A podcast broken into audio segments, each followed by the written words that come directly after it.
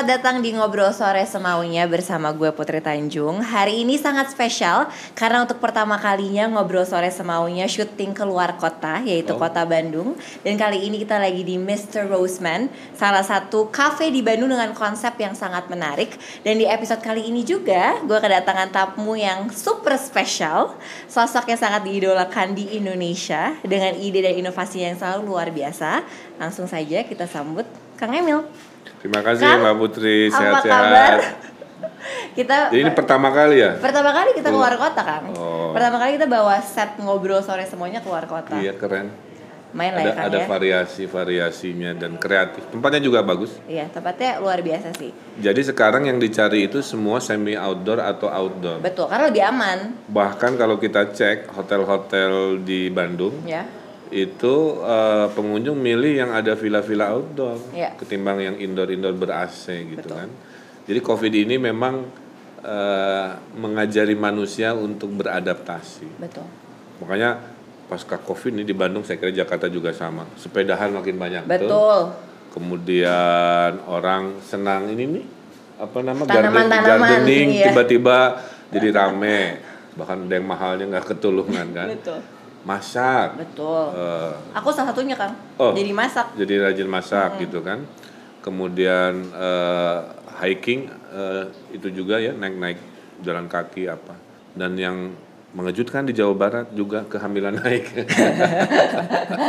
intinya demand and needs uh, berubah lah ya kang ya. Artinya- shifting ya kang Artinya ada fenomena-fenomena baru gara-gara covid rebahan hidup jadi agak beda lah kira-kira begitu. Kang kita terakhir ngobrol itu awal-awal pandemi Hmm tahun lalu ya. tahun lalu IG Live di ya. IG Live ngobrol sesudah sore waktu itu. Waktu itu kita ngobrolin tentang Kang Emil waktu itu lagi stres-stresnya juga. Ya kan karena lagi banyak banget, Hmm. banyak banget, uh, luar biasa. yang harus dikerjakan dan segala macamnya. How's 2021 Kang so far? Jauh lebih baik ya karena dulu nggak ada jurusnya. Ya. Dulu ngetes orang rapid test yang nggak akurat kan. Eh, sekarang ada rapid antigen, Iya.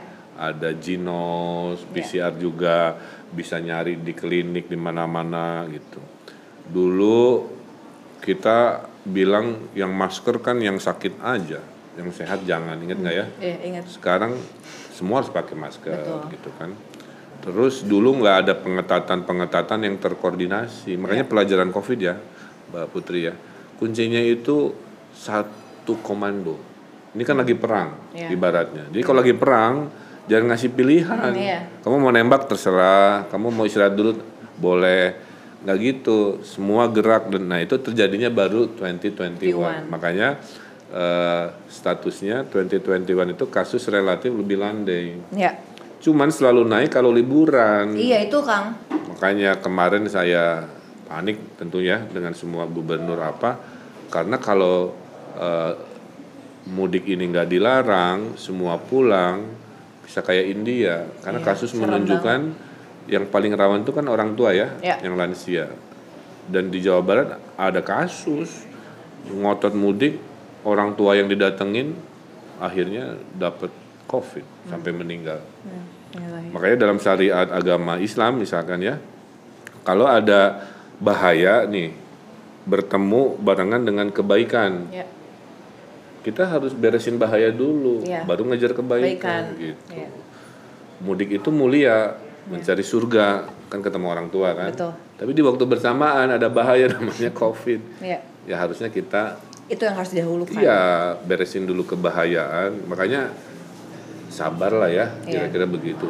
Kan saya juga sama pas kemarin nggak mudik, Ya. nggak ketemu ibu saya seminggu Iya. nunggu momen. Ya kira-kira gitulah 2021 lebih baik, tapi belum usai. Betul. Makanya kita lagi ngejar vaksinasi biar sukses. Iya. Eh, kalau itu beres, berarti orang sehatnya kan imun. Iya. Ya, Kalau udah imun, kita hidup normal lagi. Amin. Amin, semoga secepatnya ya Kang.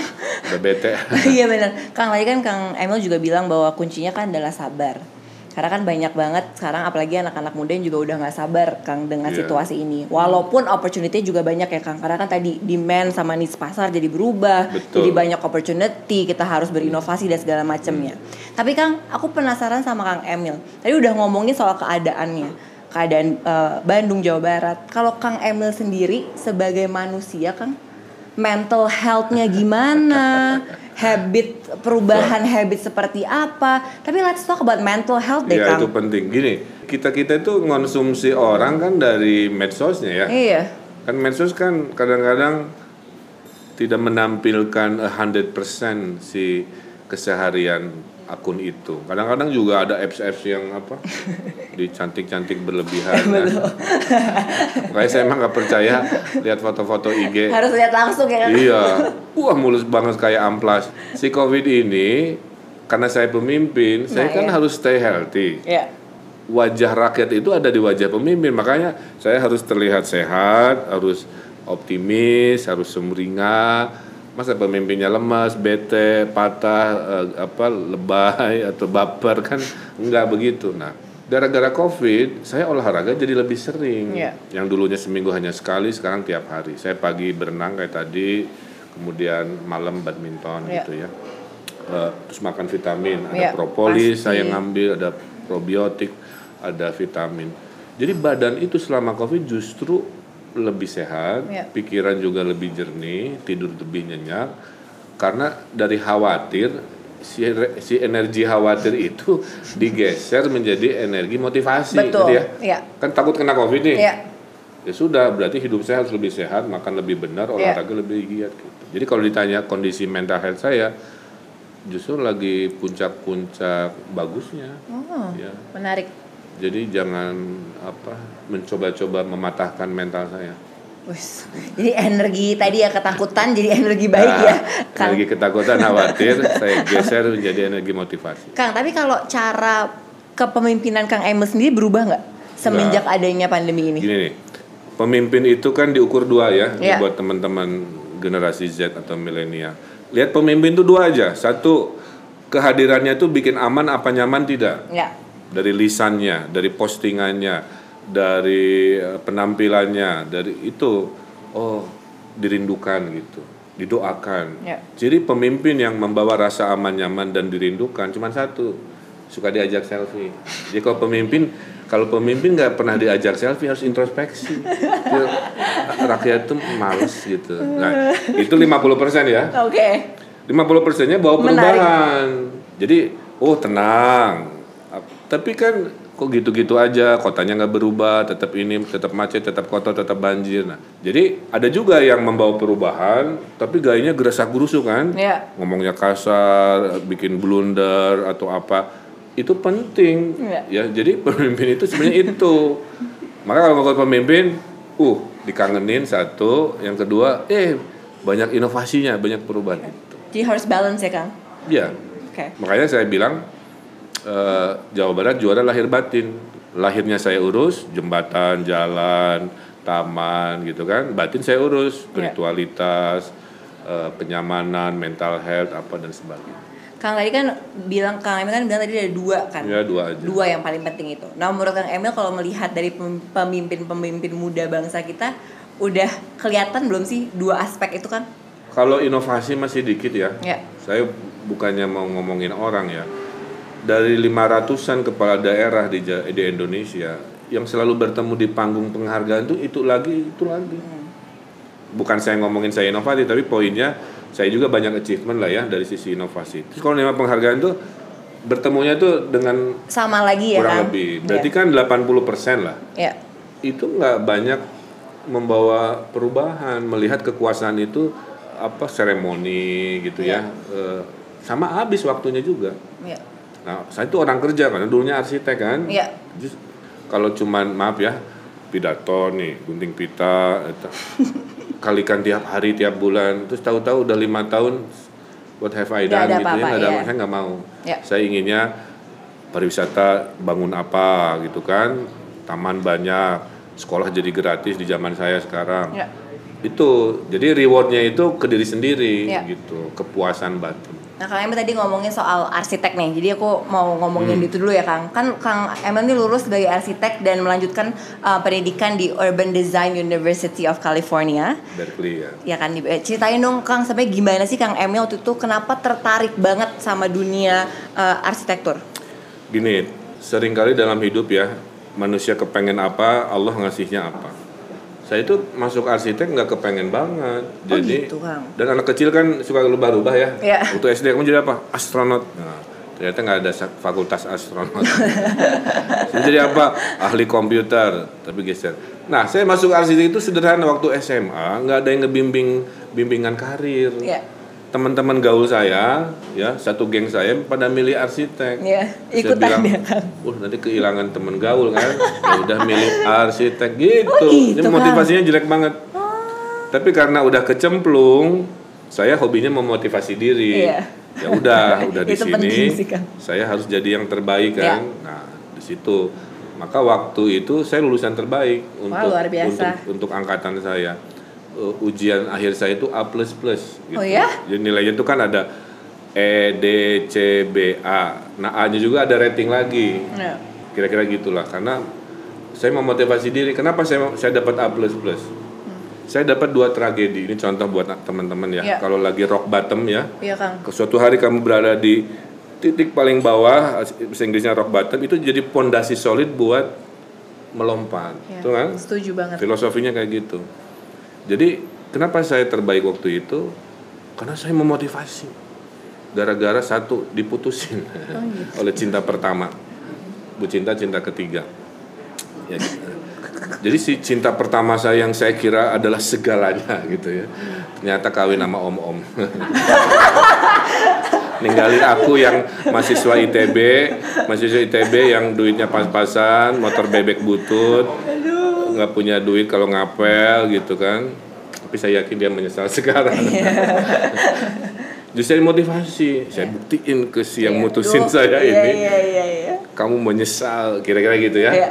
Kedua, ayah saya meninggal di Iya. tahun itu. Jadi bayangin saya down ya di tahun kelulusan itu, ayah meninggal dunia, saya diputusin cinta pertama, saya lagi tugas akhir pilihannya antara saya gagal di ITB atau saya buktikan Iya. Ini, nah itu. Jadi saya itu selalu gitu Setuju, Kang. mengubah tragedi saya jadikan motivasi. Makanya kalau saya dinyinyirin nih ya oleh oleh netizen, oleh dijulidin, biarin aja. Iya. Jadi Nanti motivasi ya, Kang? saya jawabnya dengan dengan prestasi. Karya, kalau iya. saya jawab ya nggak selesai. Betul. Karena orang julid itu kan ya begitulah ya. Kadang-kadang sekadar nyinyi-nyinyi. Nah itu dari situ saya dapat beasiswa ke Amerika. Iya. Nah di Amerika tapi beasiswanya itu dari UC Berkeley tapi sedikit jadi saya nggak bisa bawa keluarga. Jadi waktu sekolah itu saya sudah menikah tapi nggak bawa keluarga. Jadi anak istri saya eh, saya tinggal di Bandung. Saya selesai dulu S2. Makanya sedih waktu wisuda ya LDR. kan di panggung amphitheater tuh. Pas wisuda kan lempar-lempar itu lah Iya. ya. Wah, semua pelukan dengan pacarnya, keluarganya. Ada satu anak Indonesia di sudut gini aja di, saya. Mau meluk siapa? Gak ada. ya itulah. Tapi hidup itu kan ya begitu, Iya. penuh dengan apa? and unexpected downs, and ups and down. Jadi kita Proses lah ya, Kang ya. kita bawa baiknya aja. Ya, setuju sih Kang, tapi emang aku setuju banget pressure creates diamond ya Kang. Iya. Karena aku juga selalu begitu karyanya munculnya dari tadi itu motivasi-motivasi diri sendiri itu.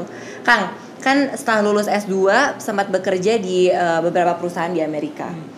Ceritain dong Kang waktu bekerja di Amerika ada nggak Ah, sih? ini penting nih. Ada nggak sih pengalaman Oh menarik? penting banget, saya mau cerita banyak nih dengerin ya anak-anak muda Indonesia. Kelebihan Amerika itu kalau kerja tidak ada KKN, Hmm, ya nggak kayak di Indonesia lah. Kalau di Indonesia kan eh, syarat sukses kamu ini IP-nya harus bagus, pinter dan orang dalam. di Amerika mah nggak ada. Jadi saya ingat saya kerja ya pakai komputer kan arsitek ya. Teman saya orang India nih ya, masuk kerjanya sama ya. saya kalau ngerjain gambar komputer tuh tangan kiri saya itu nggak ngeklik layar tapi ngasih coding ngerti nggak Oke. bikin lingkaran nah kalau si orang India kalau mau bikin lingkaran dia cari icon lingkaran di layar kan Iya. Diklik lingkaran kalau saya nggak saya tangan kiri saya nulis C circle gitu. Oke. jadi kecepatan kerja saya untuk urusan yang sama itu setengah hari udah beres Iya. si India saya masih kira-kira gitu ya sebulan gaji saya dinaikin 2 dolar per hari nah itu contoh Oke. ya jadi kalau kerja kita bagus, serius, penghargaan tinggi itu di Amerika. Saya pernah dilecehkan juga di Amerika. Karena saya orang Sunda, ya, orang bukan Sunda Empire ya, yang pusat dunianya di Bandung, yang Amerika dimerdekakan dari Banten. saya kan gini, kalau, kalau kita orang Timur kan gini, uh Pak Ridwan hebat, ah enggak biasa aja kan gitu kan? Iya, iya, iya, iya, iya. it's a, it's a norm gitu Iya, iya, kan? betul. Oh, pinter enggak atau lumayan oh jago Budaya enggak kita ya kan, culture kita. saya pakai itu dong waktu diwawancara di Amerika kamu bisa apa kira-kira gitu bisa emang kamu dalam ya can you do a computer design kira-kira gitu just a little maksud saya teh kan nggak mau nyombong gitu Iya, tapi kalimat just a little itu kalau di Amerika dianggap berarti kamu memang nggak Betul, bisa betul. saya tiga kali gagal wawancara kerja gara-gara terlalu sopan Iya, gitu. iya. Karena di sana tuh sangat straightforward iya, ya, pulang kan. Apa yang salah gitu kan? Oh saya kurang percaya diri. Iya. Tuh, jadi kalau di Amerika harus percaya diri. Akhirnya di wawancara keempat ditanya, kamu bisa komputer? Saya jawab, saya nggak hanya bisa pak, saya ini master dan gurunya komputer-komputer di Indonesia. Luar biasa. Itu kalimat kalau di konteks Indonesia itu sombong kan. Betul. Tapi di Amerika, wah orang ini Confident. Diterima Iya. kerja Iya. di situ. Satu. Iya. Cerita ketiga waktu di California. Saya eh, kerja bersama orang Belanda. Dia agak jutek lah ya. Iya. Manajer saya atasan. Karena mungkin dia VOC company, saya inlander saya.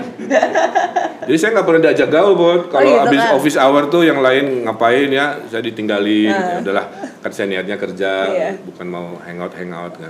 Suatu hari ada proyek di Cina, Oke. dikerjakannya di San Francisco. Saking gedenya dibagi dua. Iya. Tim saya sendiri A, tim si manajer Belanda B. B, iya. Dikasih deadline sebulan. Oke, Pas beres, yang saya yang bagus, Hmm. dia yang jelek. oke. Saya bilang bukti dia banyak begitu zolim kepada saya. Doa orang zolim kan dikabul Allah. Akhirnya dia dipecat. Oh iya kang? Tiga bulan kemudian karena gagal, saya gantiin dia. Wow, Apa biasa. pelajarannya? Jangan rendah diri. Betul. Waktu lingkungan kamu ngepres kamu kan. Betul. Yang penting kamu yakin nggak bahwa kamu ini bisa perform kan? Ya. Nah saya gunakan mental itu kan. Ya. Ya udah. Pada saat berhasil, semesta itu mendukung kamu menjadi makanya gara-gara saya menang sayembara, sekarang gedungnya ada di di Beijing ya, Oh, yang ya? saya desain Ya. itu. Saya akhirnya menjadi direktur Wow. coba di Hong Kong. Ya. Hanya gara-gara saya berkompetisi secara sehat dengan manajer yang eh, zolim ke saya itu, si Belanda itu. Nah, jadi ceritanya itu Oke. ya, percaya diri penting. Penting. Kemudian memindahkan tadi eh, celaan-celaan julidan-julidan jadi motivasi. Kamu nggak usah banyak. oh, Lagian bahasa Inggris saya juga kan tidak sefasih mereka. Jadi kerja aja. Iya. Nanti hasilnya kayak menang yang sayembara itu membuktikan kualitas kita. Ya. Nah, itu pelajaran penting yang saya bawa waktu di Amerika. Makanya sekarang apa pun orang celah, orang bully atau orang pesimis, saya biarin aja. Ya. Nanti saya buktikan dengan award ini, penghargaan itu. Kang, terus kenapa kalau kan udah karirnya udah bagus nih di Amerika? Kenapa pingin pulang, Kang? Itu problem orang Sunda. Apa nggak bertahan. Nggak bertahan. Tapi ginilah, di Amerika itu tetap saya second class citizen. Ya. Tetap orang bule, orang Caucasian yang mendapat privilege. Makanya mohon maaf ya, di Amerika rasialis kan masih ada. Ya. Black Lives Matter kan? Ya. Tahu. Di era hari ini masih urusan rasial itu Amerika tidak se-perfect yang eh, Anda-anda lihat gitu ya. Nah, pulang karena ya seenak-enaknya di luar negeri tetap enak di sini kan. Setuju. Nah, waktu saya pulang, saya bikin kantor. Ya. Nebeng dulu di rumah mertua. Oke. Segede gini nih kantornya. Oh ya kan? Iya. Segini ini? Saya, istri saya, urusan akuntansinya, saya arsiteknya, dua mahasiswa. Oke. Gitu. Sampai akhirnya sebelum jadi wali kota, dari karyawan dua orang, saya punya karyawan 70 arsitek gitu Wow. kan. Jadi top 10 arsitek uh, firm bertahun-tahun. Ya itu proses Ya. gitu. Jadi uh, alasannya itu. Nah, lama-lama pas lama di sini saya lihat kok Bandung berantakan. Hmm.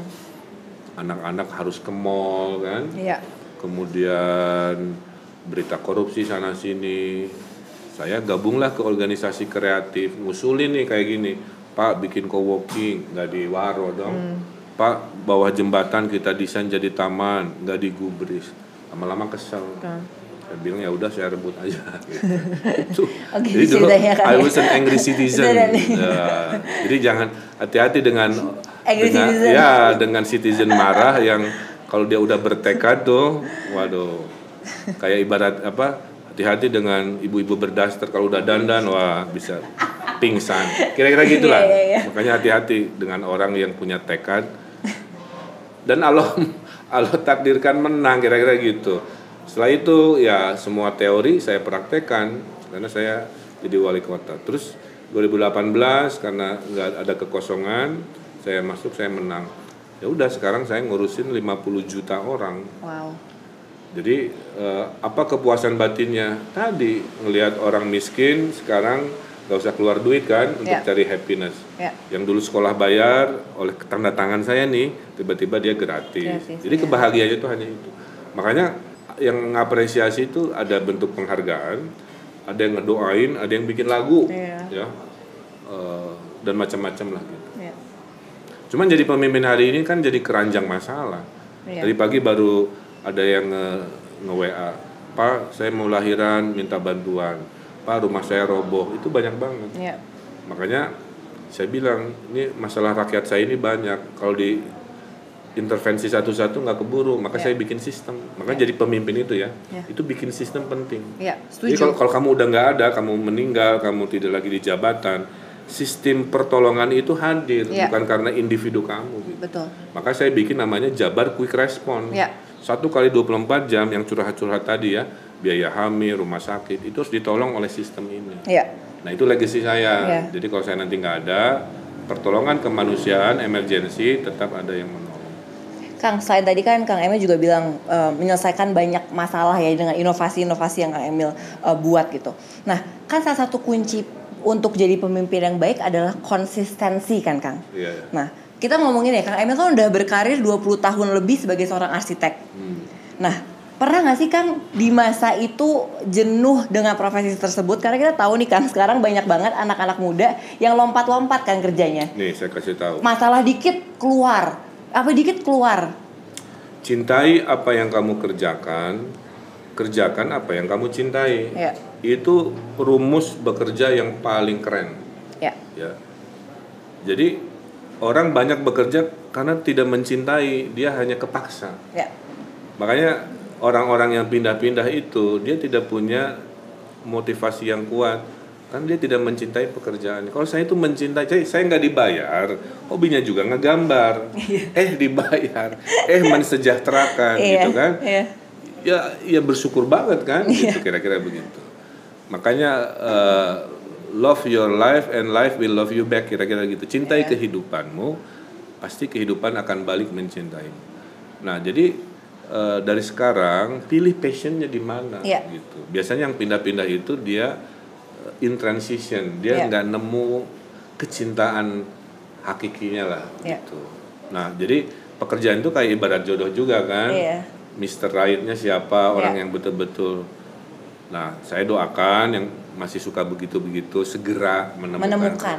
jodoh passionnya apa, kemudian menghasilkan. Udah itu pekerjaan. Jadi hobi yang dibayar itu adalah Ah, iya. pekerjaan paling paling keren. Nggak Iya. dibayar aja hobi, apalagi dibayar. gitu.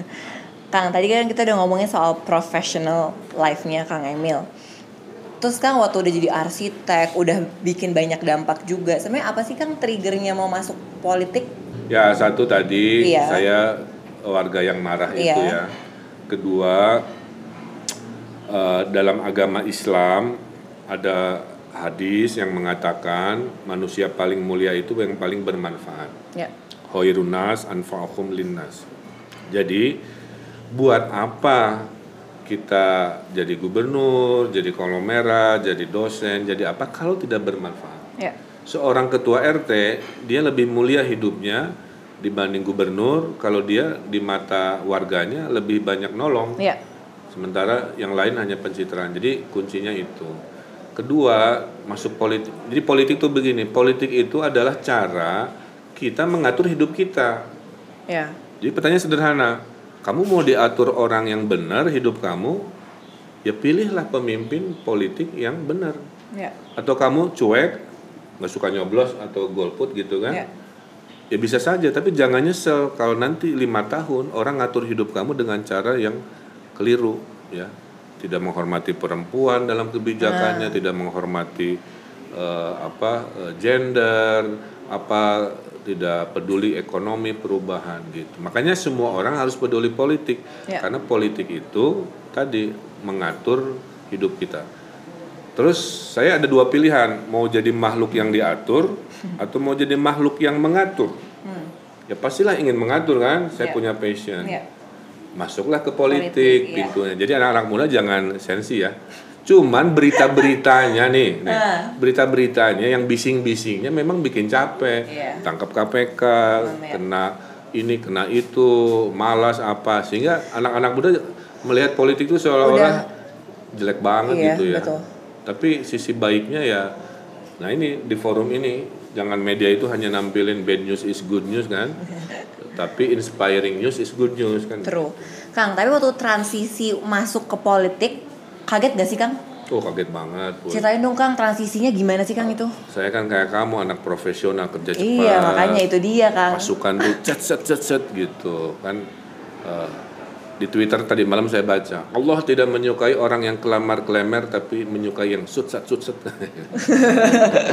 itu ada fatwa baru beneran Iya. jadi di birokrasi kelamar klemer itu masih terjadi Iya. slow gitu Iya. Wah saya pusing kan. Nah kuncinya pemimpin harus turun tangan. Ya. jangan jadi pemimpin yang tunjuk-tunjuk tangan. Saya bukan tipe begitu. Maka saya sepedahan waktu wali kota kan. Ya. supaya tahu oh jalan bolong. Eh sampah mampet saya telepon. Oh tiang listrik patah saya telepon. Oh ada gelandangan berarti dinsos saya nggak kerja. Coba. Kalau nggak turun tangan cuma duduk di meja maaf ya. Kan pasti laporan nih bagus apa ah nggak bisa nah jadi pemimpin satu harus turun tangan dua pemimpin harus berinovasi Iya. Pak kita nggak ada duit, tapi alun-alun harus dibangun. Coba. Kalau nggak pakai inovasi, ya udah tunggu dua tahun lagi. Saya kan nggak, saya telepon. Kamu punya CSR nggak ke perusahaan? Bisa pak. Ya udah kita kumpul-kumpul ya. Jadi alun-alun Bandung, alun-alun Bandung itu dulu dibangun tanpa dana negara. Coba. Luar biasa. Dana dari sumbangan-sumbangan orang-orang yang saya telepon. Iya. Makanya dalam dunia kita, networking is everything. Agree. Betul? Totally agree. Networking itu kekayaan nih Betul. buat yang ngedengerin. Betul. Jadi kekayaan itu tidak berbentuk cuan-cuan rupiah-rupiah saja. Setuju. Pertemanan tapi jangan yang toksik ya. Iya. Pertemanan yang berkuat. Karena gini, kalau kamu mau pintar, bergaulah dengan orang-orang pintar pasti ke bawah pintar. Kalau kamu mau julid, sok gaul dengan orang-orang nyinyir kan. Pasti isinya marah-marah negatif-negatif. Makanya terpilih jadi netizen julid se-ASEAN kan. Ya.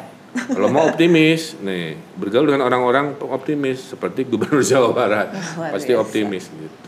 Kang, tapi kan tadi em, tadi ngomongin soal transisi ke po- politik ya Kang. Karena kan sekarang juga banyak anak-anak muda yang mungkin sudah mulai tertarik untuk Iya. jadi pemimpin di politik. Keren. Nah, kan sekarang Kang Emil kan sangat dikenal dengan dekat dengan generasi muda. Banyak yang mengidolakan Kang Emil juga gitu dan sangat mendukung lah Kang Emil eh, talenta-talenta muda yang kreatif dan inovatif. Nah, menurut Kang Emil sendiri, skill apa sih yang dibutuhkan atau yang perlu dimiliki para generasi muda ini untuk bisa terus berinovasi? Nih saya, saya ceritain ya. Kita kan lagi generasi 4.0 ya. 4.0 itu akan menghilangkan pekerjaan, akan menghadirkan pekerjaan. Apa yang hilang di era 4.0? Ya. Pekerjaan rutin. Ya. Maaf ya, input data itu rutin. Data masuk, data keluar itu itu akan hilang. Eh, kerja di bank pun kan sekarang nggak bisa lagi teller-teller semua udah digital. Jadi ada pekerjaan yang akan hilang. Tapi ada pekerjaan di di era 4.0 ini yang hadir yaitu eh, infografis person gitu kan, biz dev person dan leadership. Ya, leadership. Jadi, jadi pemimpin itu tidak akan pernah hilang karena dia mengelola dinamika. Nah, definisi pemimpin nggak harus politik ya. Ya. Pemimpin perusahaan, pemimpin eh, kelompok apa dan seterusnya. Jadi skill yang harus dikuasai eh, adalah leadership. Karena leadership itu nggak ada sekolahannya. Hmm. Betul, Kang. Leadership itu adalah ilmu mengambil keputusan. Ya. Maaf ya. Jam 11 malam. Lampu stopan merah. Kalau dia bisa memimpin diri sendiri, dia akan taat walaupun nggak ada orang. Tapi banyak orang nggak bisa memimpin diri sendiri. 11 malam lampu merah, bukan nggak ada polisi nih, ini nggak ada orang. Nah, jadi dia dia nggak bisa memimpin diri sendiri. Iya, iya, iya. Gitu. Saya pernah merazia ibu-ibu, mama biasa ya yang lampu sen kanan belok kiri itu. Dia naik naik trotoar, Bu. Hah, terus kan? Waktu wali kota nih, saya tahan. sih. Ibu, kenapa naik ke trotoar? Ya saya kan ngikut aja pak di depan udah naik trotoar, kirain boleh. Hmm. Jadi logika-logika itu menunjukkan hari ini memimpin diri sendiri aja nggak bisa. Nah, Iya. kepemimpinan itu ada tiga level, memimpin diri sendiri, nggak semua orang lulus ya. Iya, Memimpin keluarga, maaf, iya, jadi imam, iya, jadi teladan anak-anak kan. iya, Mimpin istri, yang cerai juga kan banyak. iya. Saya tahun ini menikah alhamdulillah 25 tahun Luar biasa. sama Bu Cinta ya. Jadi Iya. Seumur Nah. aku. Iya, Kan 25 very tahun. long time. I, I married around 96. Nah, yang level 3 baru pemimpin masyarakat. Iya. Mimpin RT, mimpin organisasi. Nah, jadi skill yang dibutuhkan hari ini adalah uh, ilmu pemimpin. Pemimpin. Kalau diturunkan kualitasnya satu harus visioner dong. Iya, jangan jangan pasti. ngomongin gue minggu ini survive nggak bisa. Lu tahun depan mau jadi apa harus dipikirin dari sekarang. Iya. Lima tahun dari ini ini anak-anak mau ke mana acara ini itu visioner namanya. Kedua dia harus inovatif. Iya. Ya, jangan jadi mediocre biasa-biasa aja. Ciri inovatif itu apa? Dia selalu ingin melihat perubahan Iya. dari nggak ada menjadi ada. Yang ketiga dia harus turun tangan. Iya. Ya, skill turun tangan itu penting. Harus pakai hati. Iya. Makanya pemimpin jangan modal nunjuk-nunjuk. Iya. Pasti umurnya pendek. Tapi kalau pemimpin turun, karena solusi masalah itu kalau kita sering datang ke lapangan, Iya. oh macetnya itu ternyata bukan lampu mati kan, ternyata ada warung misalkan ngalangin jalan, jadi harus turun ke jalan. Nah kemudian yang terakhir harus eh, punya kepribadian yang teladan itu yang paling susah. Iya. Jadi eh, apa teladan itu kamu nggak usah ngomong, tapi semua gestur tubuh kamu itu diikutin. Iya. Oh ngomongnya begini bagus. Oh postingannya juga positif. Oh keluarganya juga harmonis, gitu Iya. kan? Iya. Oh prestasi. Nah makanya jadi pemimpin hari ini susah. Betul. Karena dianggap perfect. Iya. Padahal saya kan juga ada capek ya. Iya. Ada capek, ada marah gitu. Iya. Contoh nih, saya 11 jam 11 malam selfie sama ibu-ibu kan saya capek. Baterai tinggal 5% ya. Wajah saya kan nggak bisa narik urat pipi lagi udah nggak ada energi. Iya, Jadi iya, udah fotonya tuh agak gini lah. Besoknya dong diposting ternyata Ridwan Kamil itu jutek. Wes. tidak seramah yang orang bilang. Aduh, ya. Akhirnya saya belajar mau jam berapa aja nih kalau selfie nih, Bun. Iya, Wajah saya langsung Wah luar biasa. padahal batin lagi Iya, gelisah. iya, aku harus belajar tuh dari Kang Emil. Jadi nggak boleh. Jadi pemimpin harus punya skill menutup kegelisahan hatinya. Kalau sudah tampil ke publik, wajahnya harus kayak gini. Gitu. Padahal ini lagi banyak masalah. Nih. Kang, sekarang anak muda ngomongin soal pemimpin ya Kang. Anak muda kan sekarang kalau ditanya mau jadi apa, pasti udah banyak yang mau jadi seorang entrepreneur atau Oh, it is menjadi good, seorang pengusaha gitu Yeah. kan. Karena menurut aku tuh udah pekerjaan sangat mulia kan, Kang Betul. jadi seorang pengusaha. Nah, tapi banyak banget Kang inovasinya bagus, udah mulai mikirin soal sustainability of the business. Kemarin Kang aku punya cerita sedikit, em, aku menginisiasikan satu program Kang, di mana aku tuh mencari women entrepreneurs di industri kreatif. Nah, kenapa waktu itu fokusnya ke women entrepreneurs? Karena dari kegelisahan, Kang. Karena cuma 2,8% women entrepreneurs yang diinvest oleh venture capital. Dari 9 dari 100% hanya 2,8. 0,8. Itu ba- based on world, world stat- statistic ya, Kang. Itu kan berarti something wrong kan, Kang. Padahal sebenarnya apalagi di industri kreatif banyak banget eh, pelakunya adalah perempuan gitu.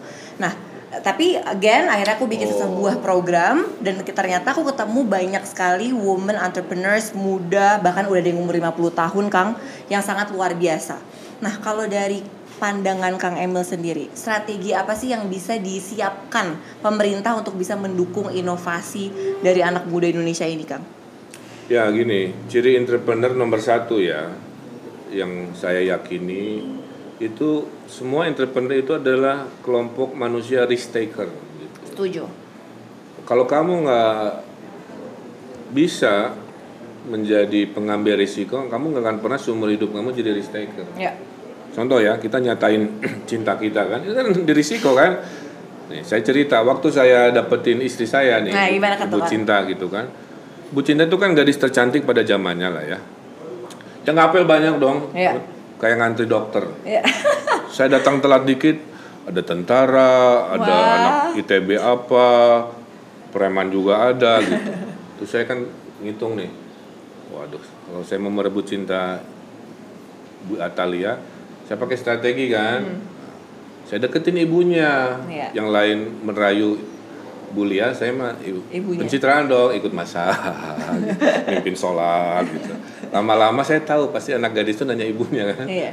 Nah akhirnya benar pas disuruh milih mana tuh Emil aja suka bantuin ibu. Luar biasa. akhirnya jadi istri saya. Nah dalam hidup resiko itu harus diambil Ya. sambil diukur. Ya.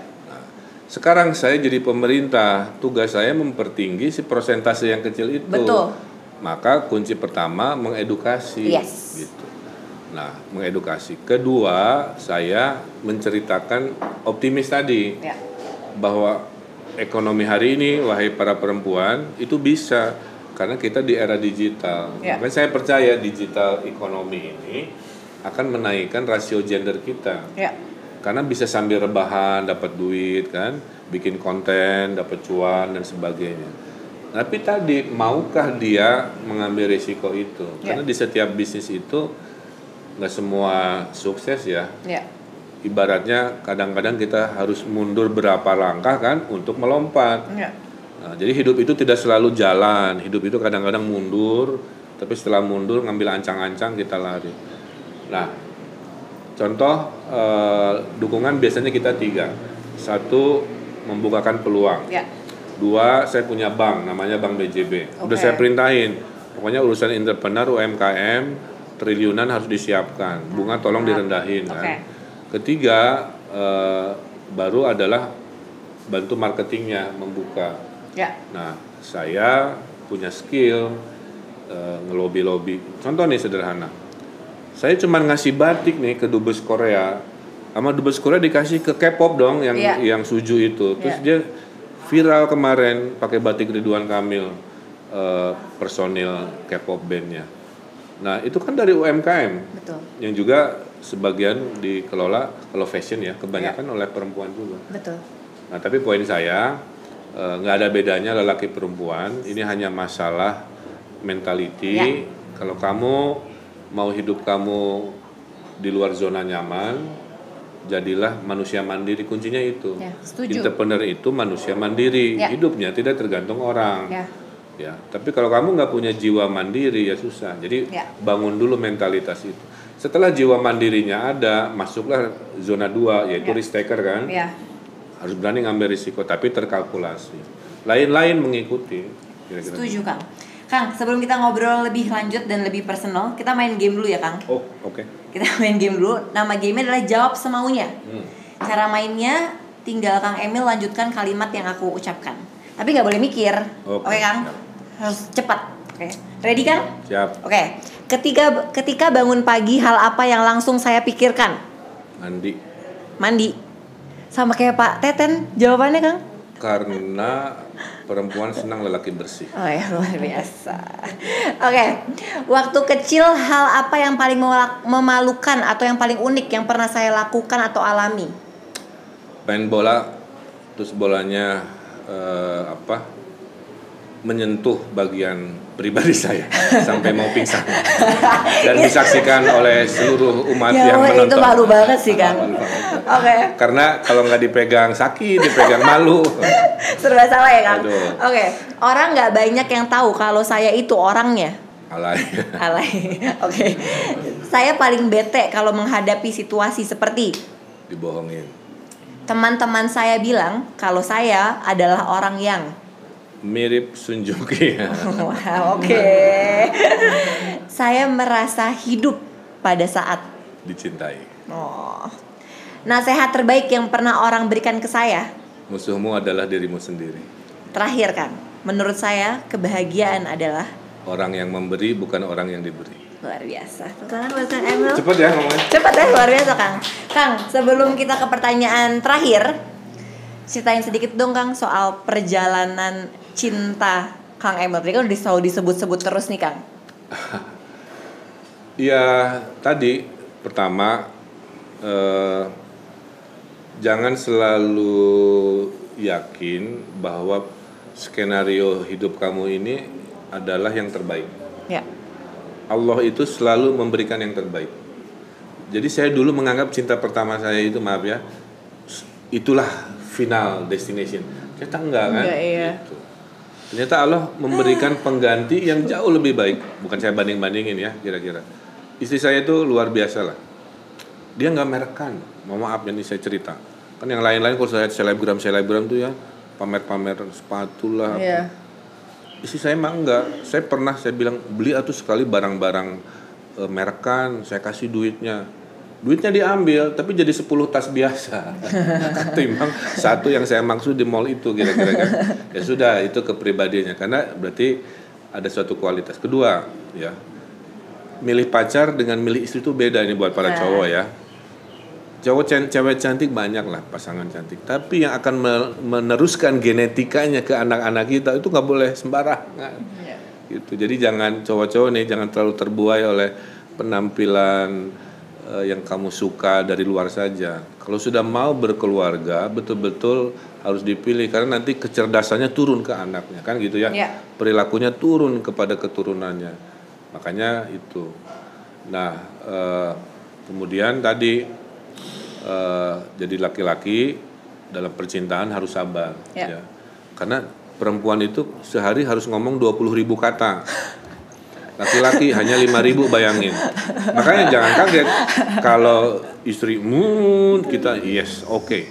Siap, boleh. Ya. Oke. Nah gitu aja. Karena jatah 5 ribunya habis. Sementara dia masih banyak. Masih belum beres bab satu, bab dua, bab tiga. Jadi laki-laki sabar aja. Kira-kira kalau perempuan segala diomongin kan kira-kira begitu. Kang, Nah. tapi kan tadi buat laki-laki, Kang. Kalau buat cewek-cewek, kalau advice buat aku, Kang, soal cinta, Gini, dunia agak berubah ya. Kalau dulu, zaman dulu ya orang tua kita nih, Iya. perempuan tuh nunggu. ya. Jadi dia jaga warung nunggu siapa yang datang ya kali-kali jodoh. Kalau sekarang kan enggak, karena dunianya sudah berubah. Kamu bisa ini ada cowok, cowok misalkan senang sama kamu ya, ya kamu bisa lihat aja jejak digitalnya. Jangan-jangan gitu kan, Ya. ketahuan nih dia asli seperti Iya. apa. Nah hari ini perempuan lebih punya instrumen lah untuk menyeleksi. Tapi jangan pilih eh, apa ya lelaki karena penampilan juga. Lelaki itu harus punya karakter itu yang dipilih. Dia harus struggle. Makanya jadi laki-laki mah gampang nggak usah terlalu cakep yang penting berkarakter Ya. gitu ya. Nah jadi buat perempuan lihat laki-laki itu mungkin biasa aja fisiknya apanya, tapi dia punya tanggung jawab. Ya. Dia minta maaf kalau salah. Dia tadi sabar kan ngedengerin dan seterusnya. Makanya sekarang kan ada pepatah nih, Nah, lelaki buncit pasangannya cantik-cantik. Lelaki six pack pasangannya ganteng-ganteng. Makanya sekarang jangan terlalu pengen six pack.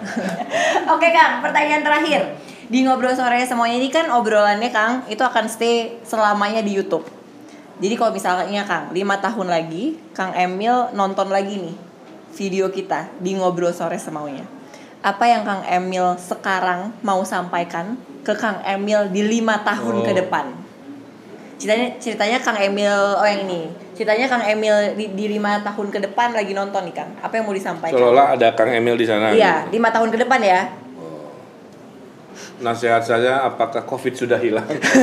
Di lima tahun, apakah anda masih pakai masker, Kang Emil? 2026, mudah-mudahan udah nggak pakai masker lagi. Kedua, apakah eh, kehidupannya sudah lebih membahagiakan? Ya, ya memang ada politik-politik rame lah ya, tapi saya doakan Kang Emil tetap seperti Kang Emil hari ini. Amin yaitu eh, mencintai, memberikan manfaat, memberikan pertolongan kan begitu, menjadi inspirasi. Eh, saya kira itu. Amin. Thank you so much Kang Emil. Sama-sama, Terima luar kasih, biasa. aku belajar banyak sekali. Terima kasih untuk teman-teman yang sudah nonton Ngobrol Sore Semaunya. Jangan lupa untuk terus nonton Ngobrol Sore Semaunya jam 6 sore setiap hari Kamis hanya di YouTube channel CXO Media. Bye bye.